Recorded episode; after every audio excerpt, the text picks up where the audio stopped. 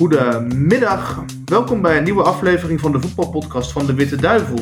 Na een interlandperiode zijn we terug. Mijn naam is Jean-Willem Spaans. Op deze maandag gaan wij de actualiteit in het voetbal bespreken. En dat doen wij zoals gewoonlijk met Eddy Snellers en met François Colin. François, ik geef u graag het woord. Dankjewel Jan-Willem. Eddy, laat ons beginnen met de WK-loting. Canada, Marokko, Kroatië. Dat is de groep van de Belgen. Wat denk je daarvan? Het had makkelijker gekund, maar ook moeilijker. Dus ik denk zeker haalbaar. Uh, het is altijd zoiets, er wordt nu over gediscussieerd. En tegen het moment dat het zover is, dan wijst dat zichzelf allemaal uit. Maar het had makkelijker gekund natuurlijk. Hè. Je had ook Tunesië kunnen hebben. Bijvoorbeeld, zeg maar iets. Uh, ik vond Canada vind ik nu niet. Je zegt, ja, Canada heeft wel een paar talenten. Ja, als je daar, elk, elk land heeft wel eens een talent links of rechts. Dus ik vind Canada als nieuwkomer zeker, mag zeker geen hindernis zijn. Alleen moet je even afwachten, wat brengt Kroatië? Het is wel één nadeel.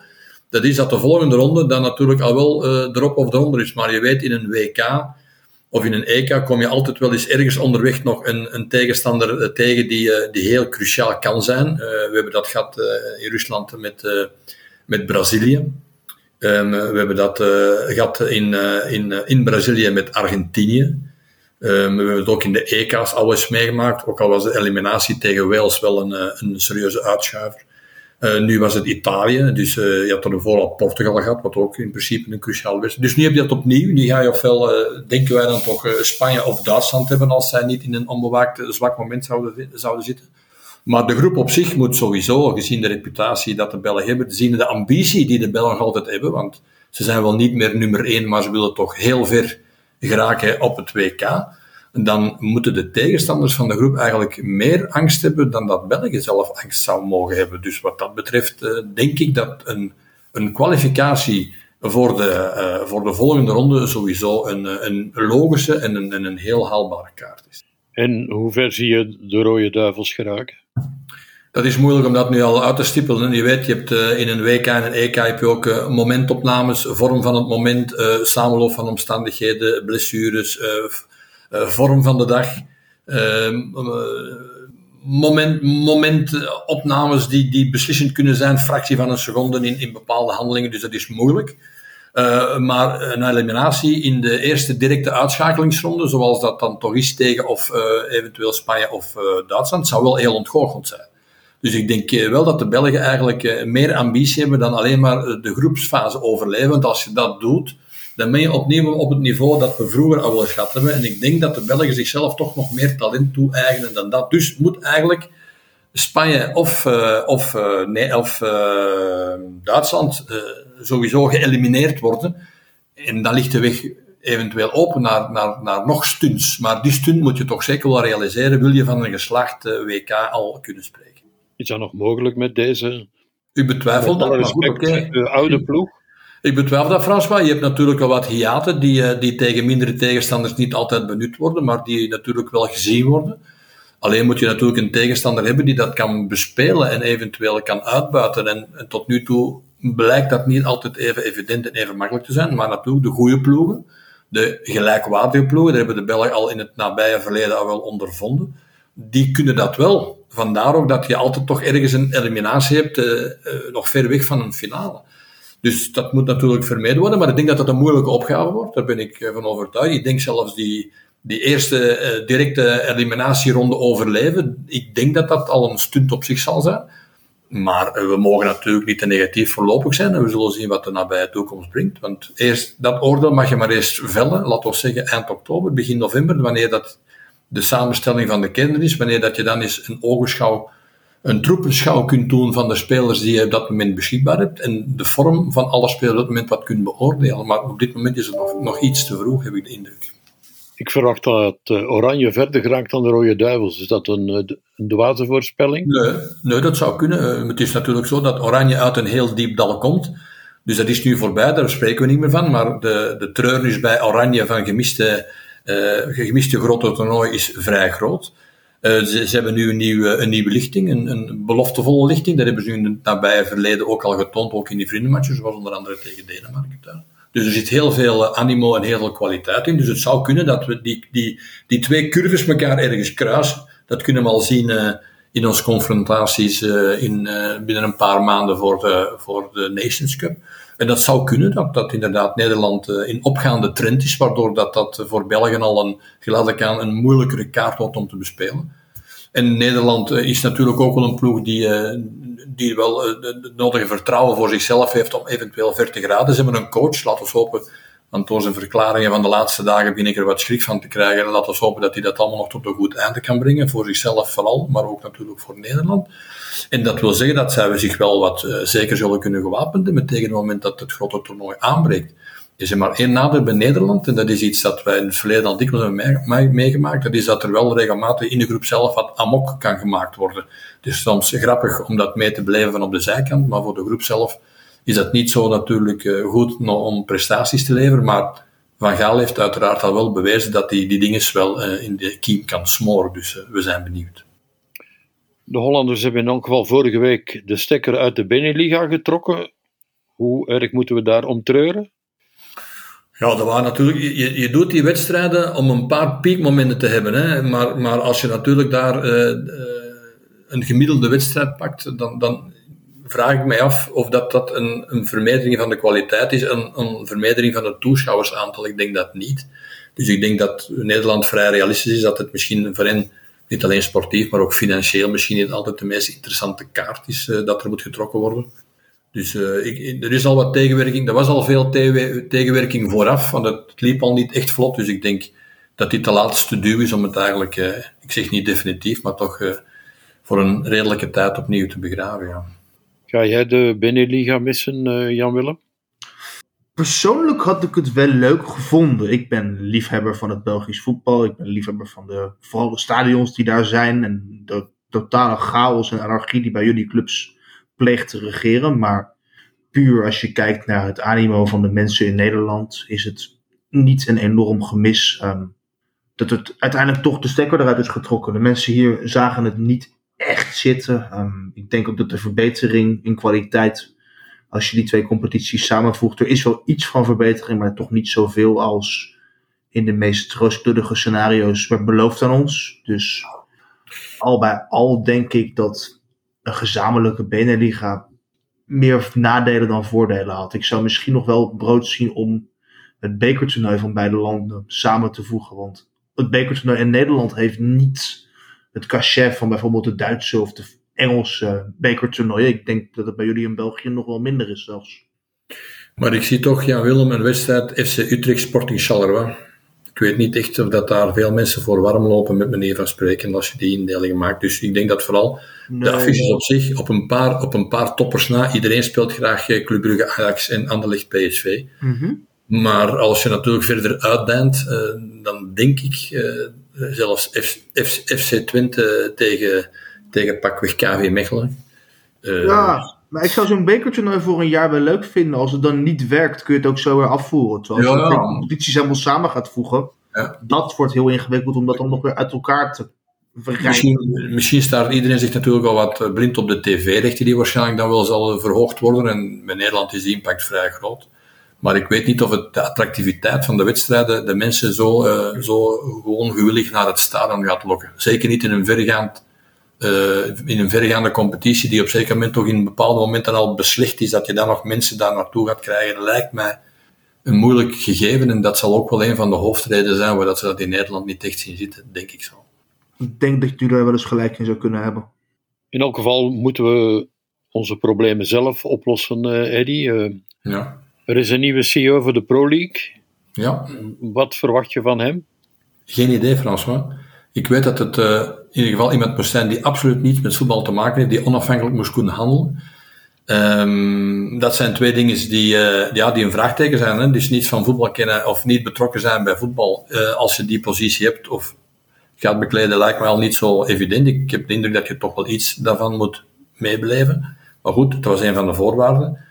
En de andere onafhankelijk handelen, ja, dat, gaan we, dat gaat dan blijken in de, in de volgende maanden. Hè. Ik, eh, ik heb daar mijn vraagtekens bij. Ik denk dat dat heel moeilijk is. Ik denk dat die sowieso altijd zal beïnvloed worden. Uh, in het begin uh, zal, zullen daar veel over beloofd zijn en veel over gesproken worden, omdat iedereen van goede wil is. Maar na verloop van tijd zal daar toch weer opnieuw links of rechts wel een, een of andere indicatie zijn om een beïnvloeding te kunnen garanderen, want hij zal beslissingen moeten nemen die toch niet voor iedereen even goed zullen zijn. Dat is altijd het probleem van de Pro League geweest, want je moet iedereen behagen en de grote clubs zeker niet vergeten. Dus ik ben benieuwd wanneer dat deze man onafhankelijk dat die gaan optreden voor, is bijvoorbeeld voor een kleinere club ten nadele van een grotere club. Ik ben benieuwd wat dat, dat gaat geven. Tot nu toe is het nog allemaal natuurlijk pijs en vrij en veel mooie beloftes. Maar we zullen zien hoe lang dat die gaan standhouden. Union heeft de reguliere competitie gewonnen. Dat is eh, uniek voor een eh, promovendus. Ik vind het gewoon geweldig, moet ik eerlijk zeggen. Een paar kleine diepjes gehad, maar als je het hele jaar in ogenschouw neemt, hebben ze een geweldig seizoen gehad. En uh, eigenlijk blijft het nog wel een beetje zo. Het is niet zo dat uh, na een diepje een langere periode van dieps volgt. Nee, dat, dat is uh, een ontgoocheling en dat wordt de week erop meestal wel rechtgezet. ik denk dat zij met de laatste overwinning op standaard opnieuw gesterkt naar de laatste wedstrijd en zeker naar de playoffs gaan. En in het verleden hebben zij bewezen dat zij in die rechtstreekse confrontaties met hun tegenstanders, dat zij daar zich een goede raad en een goede weg weten door te banen. Dus ik ben benieuwd, het eerste unicum is bereikt. Dat wil zeggen, kampioen spelen in de reguliere competitie als uh, nieuwkomer. Nu zou er nog een straffe surplus bij zijn, moesten ze dat ook nog behouden in de play-offs. Dat zou enorm krap en ongezien zijn. En eigenlijk verdienen ze dat ook wel, gezien hun regelmaat en uh, de goede prestaties. Een van de minste golen tegen, meeste golen gemaakt, twee topscorers vooraan, ontplooiing van geweldige spelers, Alan Nielsen onder andere, ik zeg er nu maar één. Uh, Burgers bijvoorbeeld, nummer twee. Uh, Teuma, nummer drie. Ik kan verder gaan. Dus ik vind het een geweldige ontplooiing. Uh, en dat mag dan ook beloond worden. En dan moet je niet direct naar het volgende jaar kijken. Want het volgende jaar ja, is dan een groot vraagteken natuurlijk. Want die ploeg kan uit elkaar vallen, kan helemaal in stukken gescheurd worden. En dan weet je nooit waar dat je met Union eindigt in een Europese competitie. Maar spijtig genoeg mag je zover, ah, spijtig genoeg, zover mag je eigenlijk niet kijken. Je moet het op dit moment zien. En op dit moment is het een ploeg die en die titel in de reguliere competitie, maar ook de eindtitel naar de playoffs verdient. En ik hoop dan ook dat ze dat uh, kunnen realiseren. Maar je houdt er rekening mee dat Union kampioen wordt? Ik hou er rekening mee, ja. Ik blijf er rekening mee houden. Om, vooral omdat ze in de rechtstreekse confrontaties, in de gewone competitie, ze hebben op een zeker moment eens drie, vier van die cruciale wedstrijden gehad, die zijn ze allemaal uh, uh, vrij vlot en ongeschonden doorgekomen. En het is niet zo dat zij een, aan een bepaald uh, zwakte of vormteverlies lijden. Ze hebben eens een minder wedstrijd, maar dat hebben ze allemaal wel eens, maar niet langtijdig. Minder wedstrijd, betere wedstrijd nadien, punten gewinnen, opnieuw gewinnen. Nu komen ze binnenkort van Zijrkom terug, dus dat is een versteviging voor de totaliteit. En voor dit van de kern hebben zij tot nu toe nog weinig gekwetst, dus ik hoop dat zij dat voor die eh, die laatste wedstrijd nu volgende week en ook zeker voor die zes wedstrijd, dat, dat zij dat zo kunnen houden. En dan denk ik dat zij competitief zijn om zich daar eh, op een fatsoenlijke manier te verdedigen. Met de bonus natuurlijk van 2,5 punt ongeveer rekenen, dat dan zal zijn. Dus ik geloof er wel in, eerlijk gezegd, dat dat tot een goed einde kan, kan geraken. Ja. Antwerpen is nu ook zeker eh, van een plaats in de Champions Playoffs. Maar het voetbal blijft heel pover. Ik denk dat ze van Antwerpen meer verlangen of verwachten dan dat ze dat kunnen. Het is niet zo dat je een brede kern met hoge lonen hebt samengesteld, dat dat dan ook garantie heeft voor kwaliteit. Ik vind niet dat Antwerpen in balbezit veel kwaliteit heeft, of meer kwaliteit heeft dan vroeger. Um, als je Benson, uh, Manuel, als je die in principe als uw meest creatieve speler moet aanduiden, dat is heel goed voor Benson, Manuel. Maar eigenlijk voor je totaliteit van je ploeg is dat, dat eigenlijk te weinig. Benson zou in principe moeten zijn die met een invalbeurt een, een wedstrijd kan beslissen, maar eigenlijk niet zo direct als de meest creatieve. Dan moet je er voor je ploeg anderen nog hebben. Andere sterkhouders. En dat heeft Antwerpen eigenlijk niet. En dat is altijd gebleken. Antwerpen is een bastion. Dat is een, een, een ploeg met, met, met veel, veel inzet. Uh, veel sterke spelers. Uh, veel sterke contactspelers. Dus uh, duels aangaan. Maar echt creativiteit. Verrassing. Verrassende wendingen in eh, tijdvoetbal, eh, beweging, eh, lijnen, ja, dan kan je wel zeggen, het ligt allemaal aan de trainer, maar ik, hij is natuurlijk mede verantwoordelijk. Ik weet natuurlijk niet welke impact dat heeft gehad op de aankoop van spelers. Maar degenen die er zijn, ja, die brengen dat niet. Hè. Die hebben dat ook niet in de schoenen zitten. Als je dat een gans jaar niet kan tonen, dan heb je dat niet. Als je dat een bepaalde periode niet kan tonen en daarna wel en dan terug niet, dan kan je zeggen, ah, oké, er is hier iets, het, klopt hier niet, maar het ganse jaar door hebben we maar één liedje over Antwerpen over, zingen, dus die zijn al eens goed weggekomen. Dus die hebben gevochten, en dat is gevechtsvoetbal, en die hebben nog gewonnen, maar hoe dat ze gewonnen hebben, we kunnen het niet geloven. Dat is eigenlijk een, door, een, een, een, een, een, een samenvatting van hetgeen dat het ganse jaar gebeurd is. Het is een mirakel dat je met dat voetbal zoveel punten haalt. Dat wil zeggen dat je wel competitief en combatief bent, maar dat je te weinig creativiteit hebt. En ik denk dat dat een probleem is voor, uh, voor Antwerpen, voor de nabije toekomst. Vandaar dringend aan te werken. Dat je genoeg sterke jongens hebt, maar je moet er ook een paar hebben met allerlei firelofs. Uh, die dan in principe daar nog wel eens een verrassing in kunnen brengen. En dat hebben ze eigenlijk dit jaar niet gehad. Anderlecht staat weer voor uh, agent. Hoe zie je dat aflopen? Ik zie, ik zie, dat zo aflopen zoals het nu staat. Drie weken geleden hebben ze mij dat gevraagd, zelfs na de nederlaag van Anderlecht. Ik weet dat uh, tegen Cercle Brugge en OAL, dat waren moeilijke wedstrijden. Antwerpen is daar met de, de nood, het nodige geluk zonder kleerscheuren doorgeraakt. Gent heeft dat niet gekund. een beetje eigen schuld, maar goed, oké, het moet ergens liggen. En um, moest de laatste wedstrijd van Cirkel Brugge nog enig nut hebben gehad voor Antwerpen, was het ook een moeilijke wedstrijd voor Antwerpen geworden. Nu niet meer. Door die overwinning zijn ze nu, is het een oefgeluid en kan die laatste wedstrijd als een soort experimentele wedstrijd aanzien worden. Wat voor, wat voor Antwerpen een goede zaak is, want moesten daar de broodnodige drie punten gehaald worden, had dat opnieuw een moeilijk geval geweest. Het is gewoon een moeilijke ploeg om tegen te spelen. Ook OL zijn moeilijke ploegen, die hebben bij momenten wat tegenslag gehad. Die zijn op, slechte, op de goede momenten, uh, ja, waren die niet daar om de aansluiting te kunnen hebben, maar die hebben wel goede wedstrijden gespeeld. En Gent heeft dat nu nog eens ondervonden. En Antwerpen eigenlijk ook. Alleen is Antwerpen daar nog uh, met nodig geluk goed doorgekomen. Maar het is wel beslissend, want ik zie Anderlecht niet. En dan kan je nog zeggen, ja, Kortrijk uh, heeft goed gespeeld op Mechelen, dat klopt ook wel. Maar ik zie, ik zie Anderlecht geen puntenverlies meer doen op, uh, op Kortrijk. Kortrijk is een einde seizoenswedstrijd. Anderlecht is op dit moment goed bezig, goed combinerend, vlot, vlot combinerend, makkelijk de weg naar het doel vinden. Dus ik, ik zie eigenlijk voor Anderlecht niet het probleem van puntenverlies. Dus ik denk Anderlecht sowieso drie. Ik denk ook Gent de drie punten.